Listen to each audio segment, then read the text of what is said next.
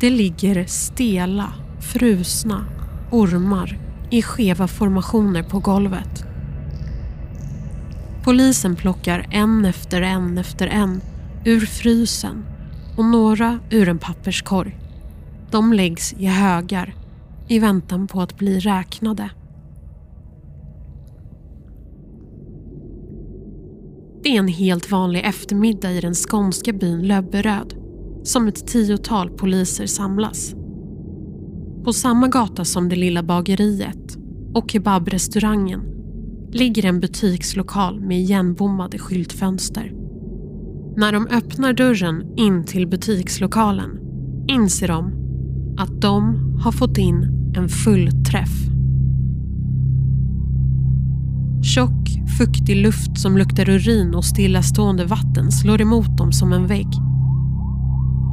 Lokalen är insvept i ett lila dovt sken från lampor i hundratals genomskinliga plastbackar. När de lyfter på locket till en kryllar det av ödlor som trängs och klättrar på varandra. Några klättrar på kadaver. Döda ödlor som ligger på rygg med insjunkna, ruttnande ögon och benen upp i vädret. I många av plastbackarna saknas vatten helt. Djuren bor bland avföring och urin. Flera av dem kraftigt försvagade eller döende, magra och uttorkade. Det var en helt vanlig eftermiddag i den lilla byn Löberöd. Vem här hade kunnat ana att de bodde granne med nästan tusen reptiler?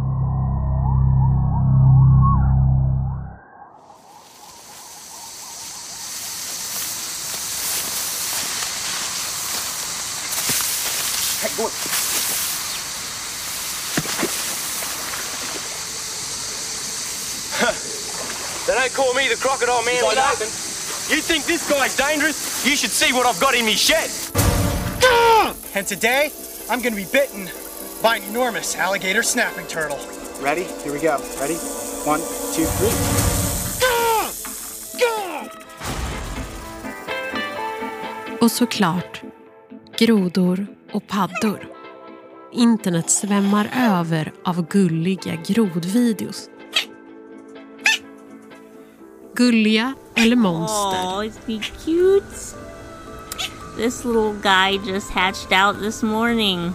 He's a little wiggle butt. Oh, Giftiga mördarmaskiner. Eller tama som hundar. Come here, buddy. Come here, buddy. Are you glad I'm home? Det är så att vi känner otroligt olika för reptiler. En studie visar att ungefär 5,5 procent av svenskarna har ormfobi. Samtidigt så vill allt fler ha en reptil hemma som husdjur. Jag köpte en sköldpadda. Uppemot 20 procent av handeln med exotiska husdjur består av reptiler. Samtidigt hotas tusentals arter av utrotning. En anledning är att handeln med reptiler genomsyras av illegal handel. Vid en razzia i en butikslokal i Löberöd i Skåne så hittades nästan tusen reptiler. Många av sårbara arter. Nu åtalas en man, han som jag kallar för reptilmannen, för artskyddsbrott, brott mot djurskyddslagen, smuggling och djurplågeri. Han misstänks ha handlat med djur för miljontals kronor. Men reptilmannen själv nekar till de här anklagelserna. Han säger att reptiler är hans största intresse, hobby och husdjur. Du lyssnar på Jakten på reptilmannen med mig, Sofia Neves.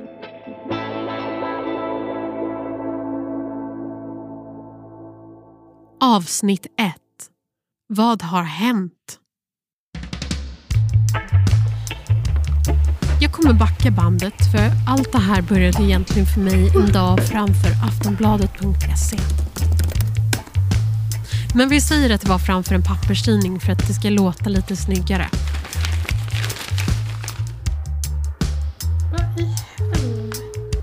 900 reptiler i beslag. Reptiler? Jag smsade direkt till min kollega Linda Jensen Kidane.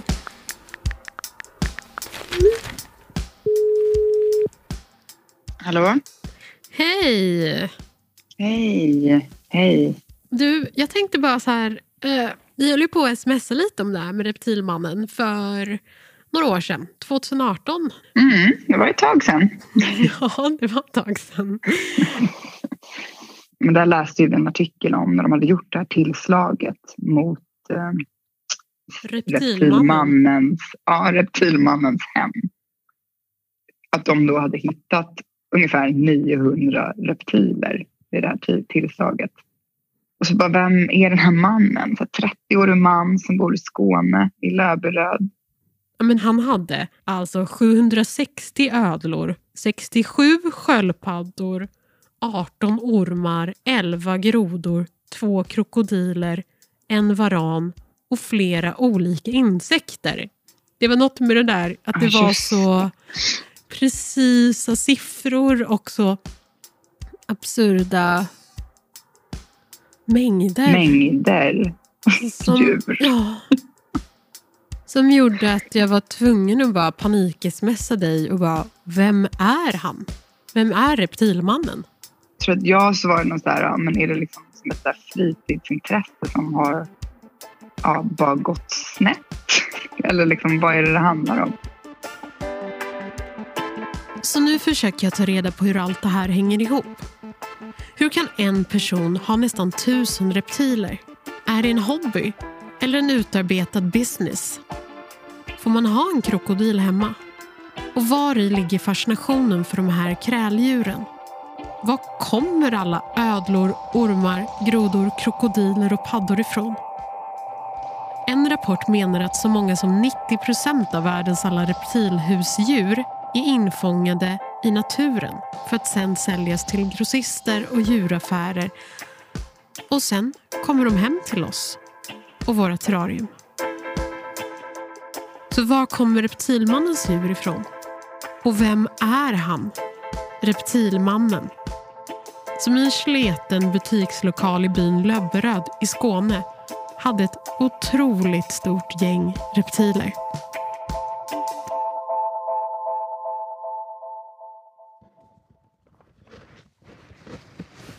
Det är alltså i mars 2018 som polisen ihop med Länsstyrelsen stormar in i ett lågt gult hus med en butikslokal mot gatan. Och när de kliver in genom ytterdörren så kliver de in i en reptilverkstad som är i full gång. De möts av ett hundratals reptiler indelade i olika plywoodskåp med inbyggda plastbackar och terrarier. Det luktar dött djur. I ett terrarium trängs sköldpaddor på en plastback.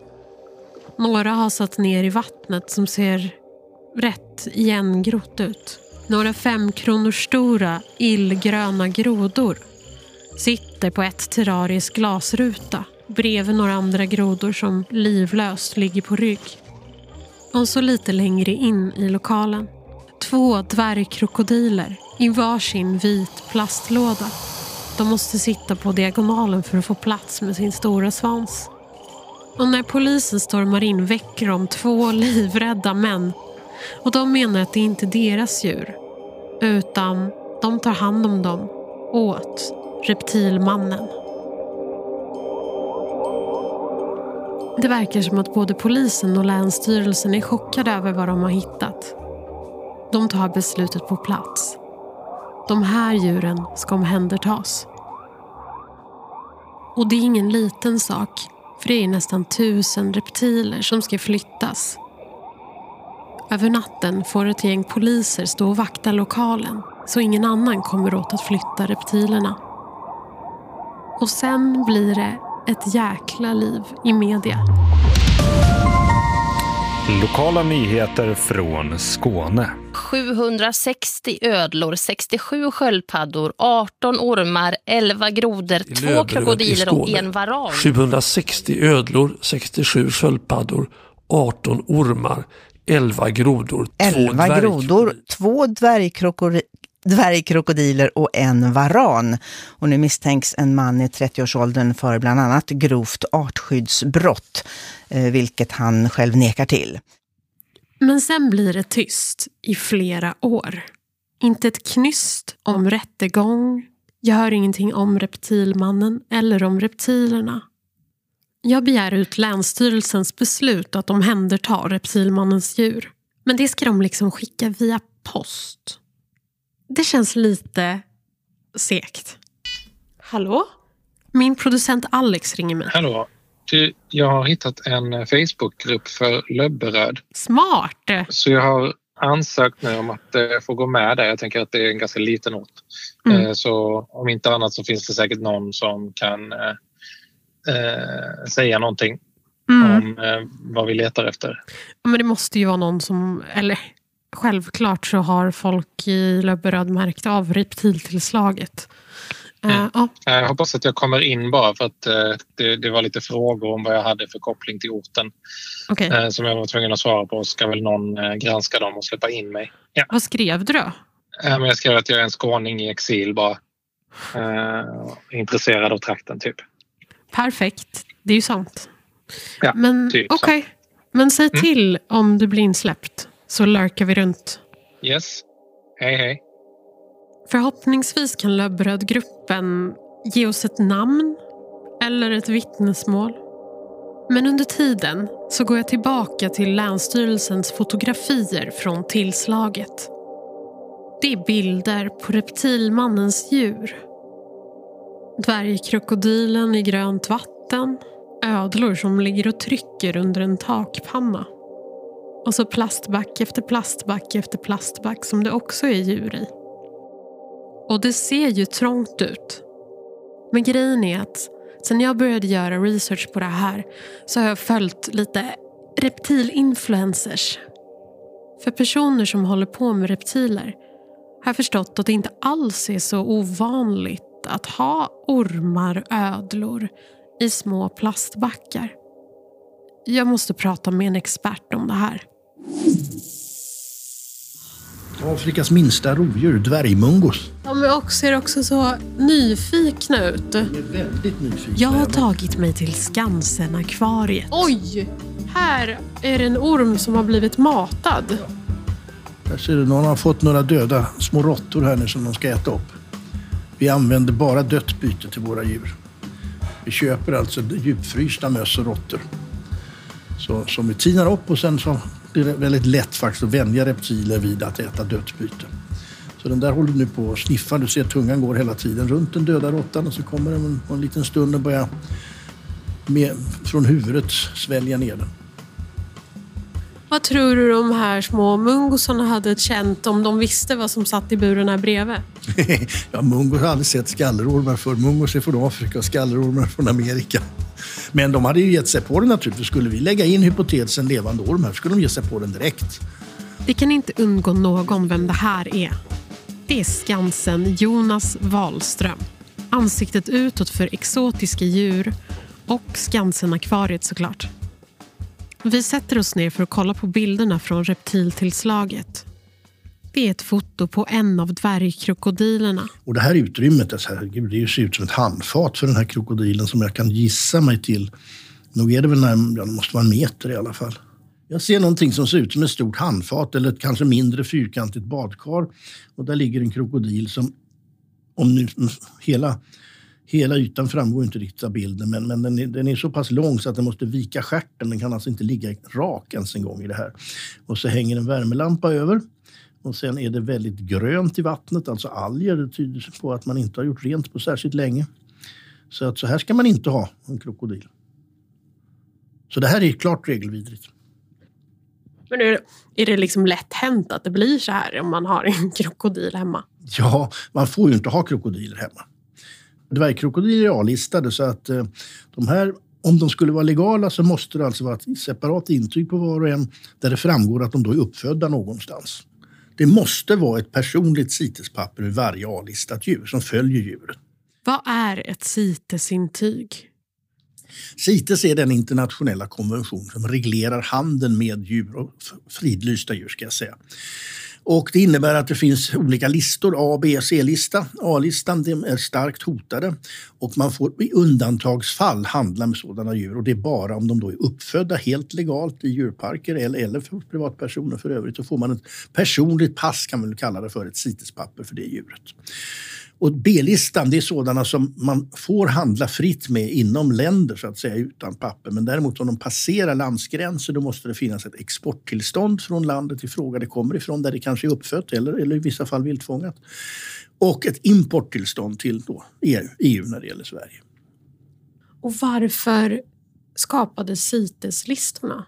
Det var för att få en kontroll på djurhandel. För att det är, ska vi säga att det är, det är väl närmare 40 år sedan som CITES-listorna började tillkomma, eller tänkandet att man bildar den här konventionen.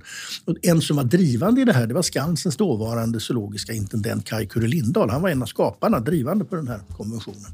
För att då var det ju en ohämmad djurhandel. Och det här är viktigt, men också lite krångligt, så lyssna noga. Många djur och växter hotas av utrotning och för att skydda dem så har världens länder kommit överens om att begränsa handeln och kämpa mot illegal handel tillsammans. Som du handlar med CITES-listade djur så måste du söka intyg via Jordbruksverket. Sen finns dessutom den svenska djurskydds och smittskyddslagstiftningen som förbjuder införsel och hållande av viltfångade djur. Alltså djur som fångats direkt i naturen. De får man inte ta in i Sverige eller ha hemma som husdjur. Tillbaka till Skansen, Jonas. Det fanns ju inga regler, det fanns knappt några karantäner. Alltså man kunde ju, jag kommer så väl ihåg, jag har något gammalt klipp här från en zooaffär som låg på Bondegatan på Söder.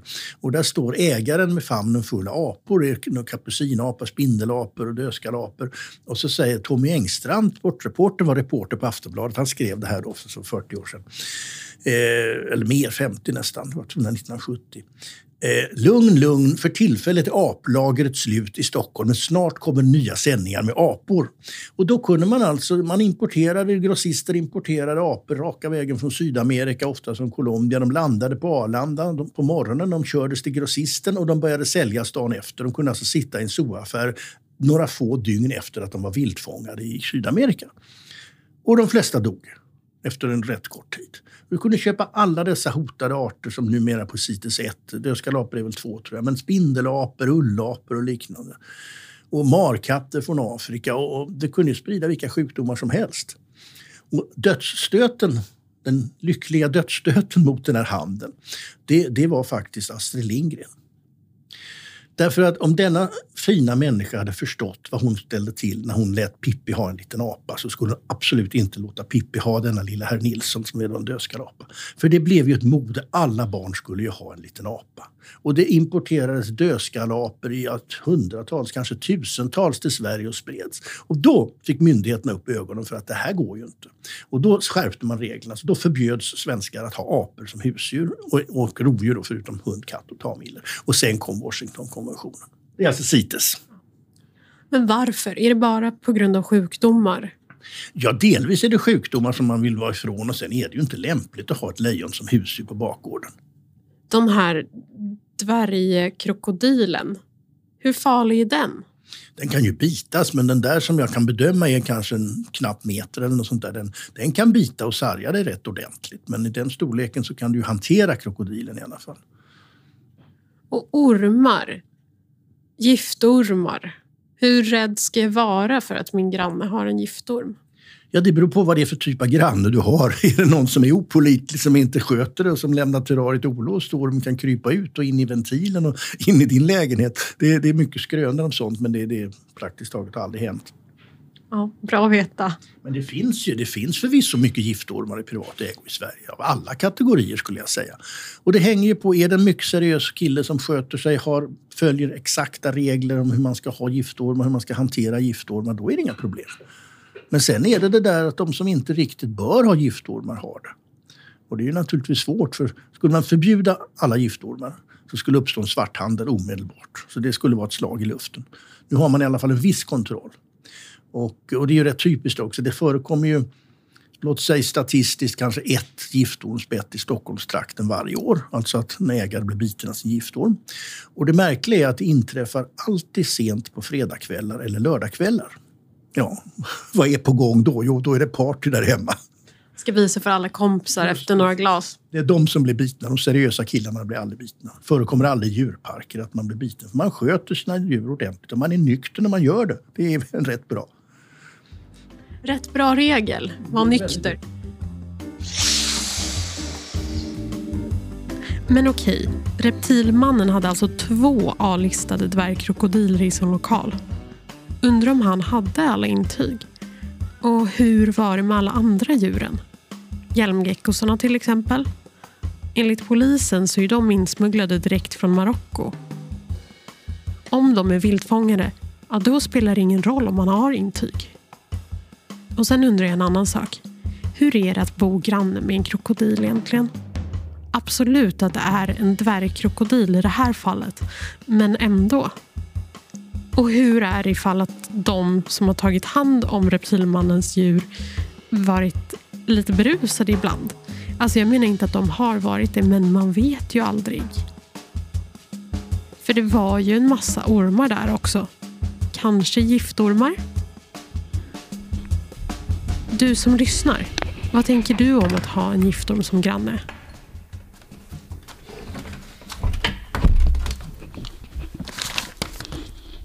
Mm styrelsen. Och när jag kommer hem så ligger det ett brev på hallmattan. Från Länsstyrelsen. Okej, då har vi det då här. Brevet från Länsstyrelsen Skåne. Mm. Ska jag öppna det? Ja, jag öppnar det.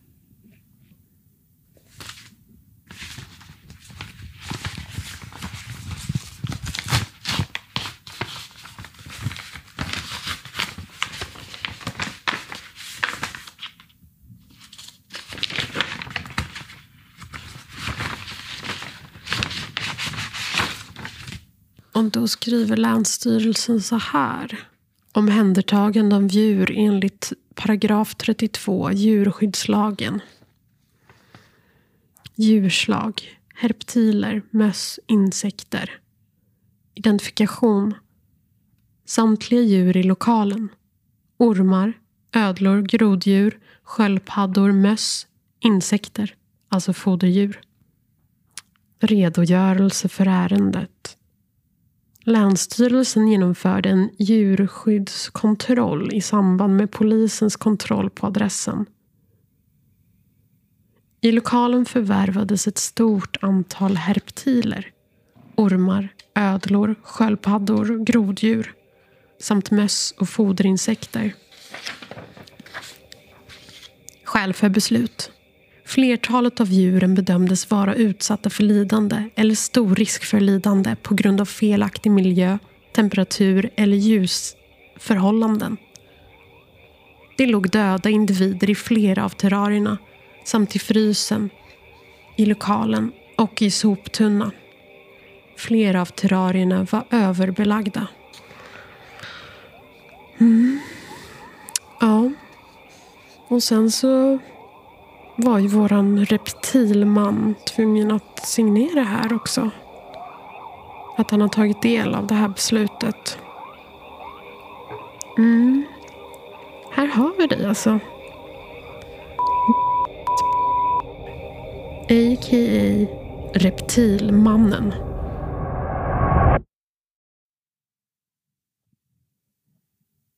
Reptilmannen överklagar Länsstyrelsens beslut med en handskriven lapp.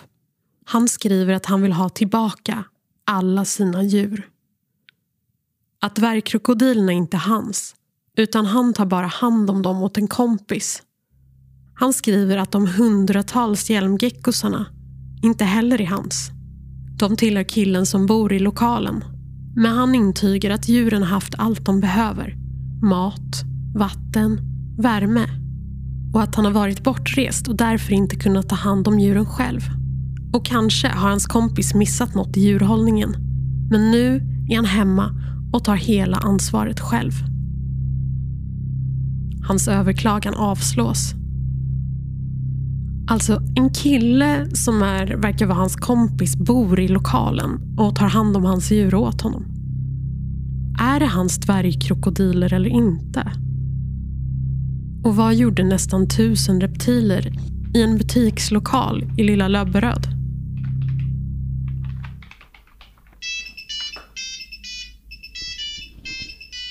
Hallå? Hallå! Du, eh, jag har blivit insläppt i Löbberöd-gruppen nu. Är det sant? Yes, det är väldigt kul. Eh, och ännu roligare är att det går att söka i den här gruppen. Eh, så nu har jag sökt på reptiler. Och då är det någon som har postat Aftonbladet-artikeln då, eh, om 800 djur i beslag, krokodilägare misstänkt. Okej. Eh, och den posten har 137 kommentarer. Så är det en kommentar som jag, jag kan läsa den för dig. Ja! En kommentar är så här. Mina djur. Går att kontakta mig i PM om det är någon som undrar något. Media överdriver naturligtvis allt som vanligt. Kan klargöra att det är lagliga djur. Inget har varit löst, allt i burar och inget giftigt. Att något skulle vara på rymmen stämmer inte såvida inte Länsstyrelsen släppt loss något. Ja. Det verkar som att eh, det kan vara vår reptilman va? Ja. Shit. Det är han. Reptilmannen. Nu har jag hans Facebook-profil och hans namn.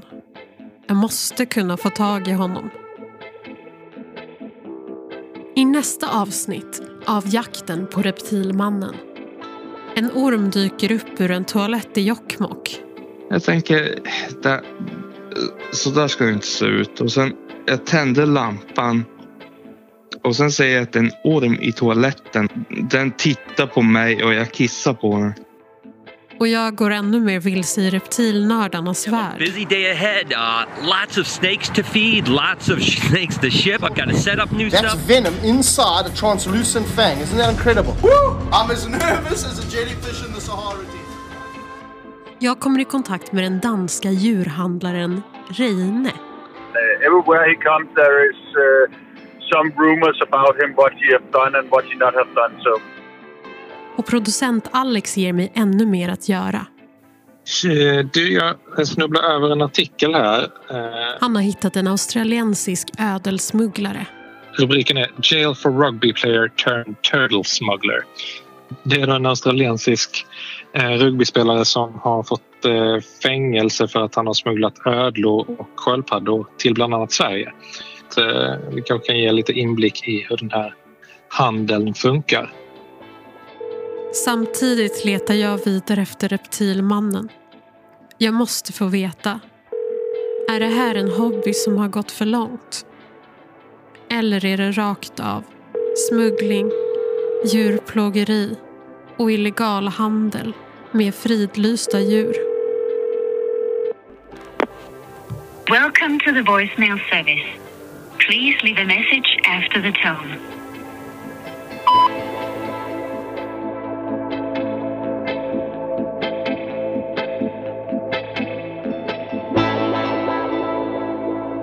Du har hört Jakten på reptilmannen med mig, Sofia Neves.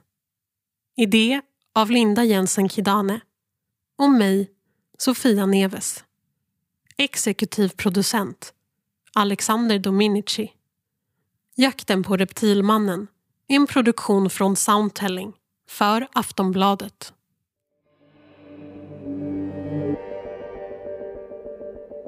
Det här var den första delen av fyra i Jakten på reptilmannen. En podcast från Aftonbladet Plus. För att lyssna på de resterande tre avsnitten, gå in på aftonbladet.se reptilmannen.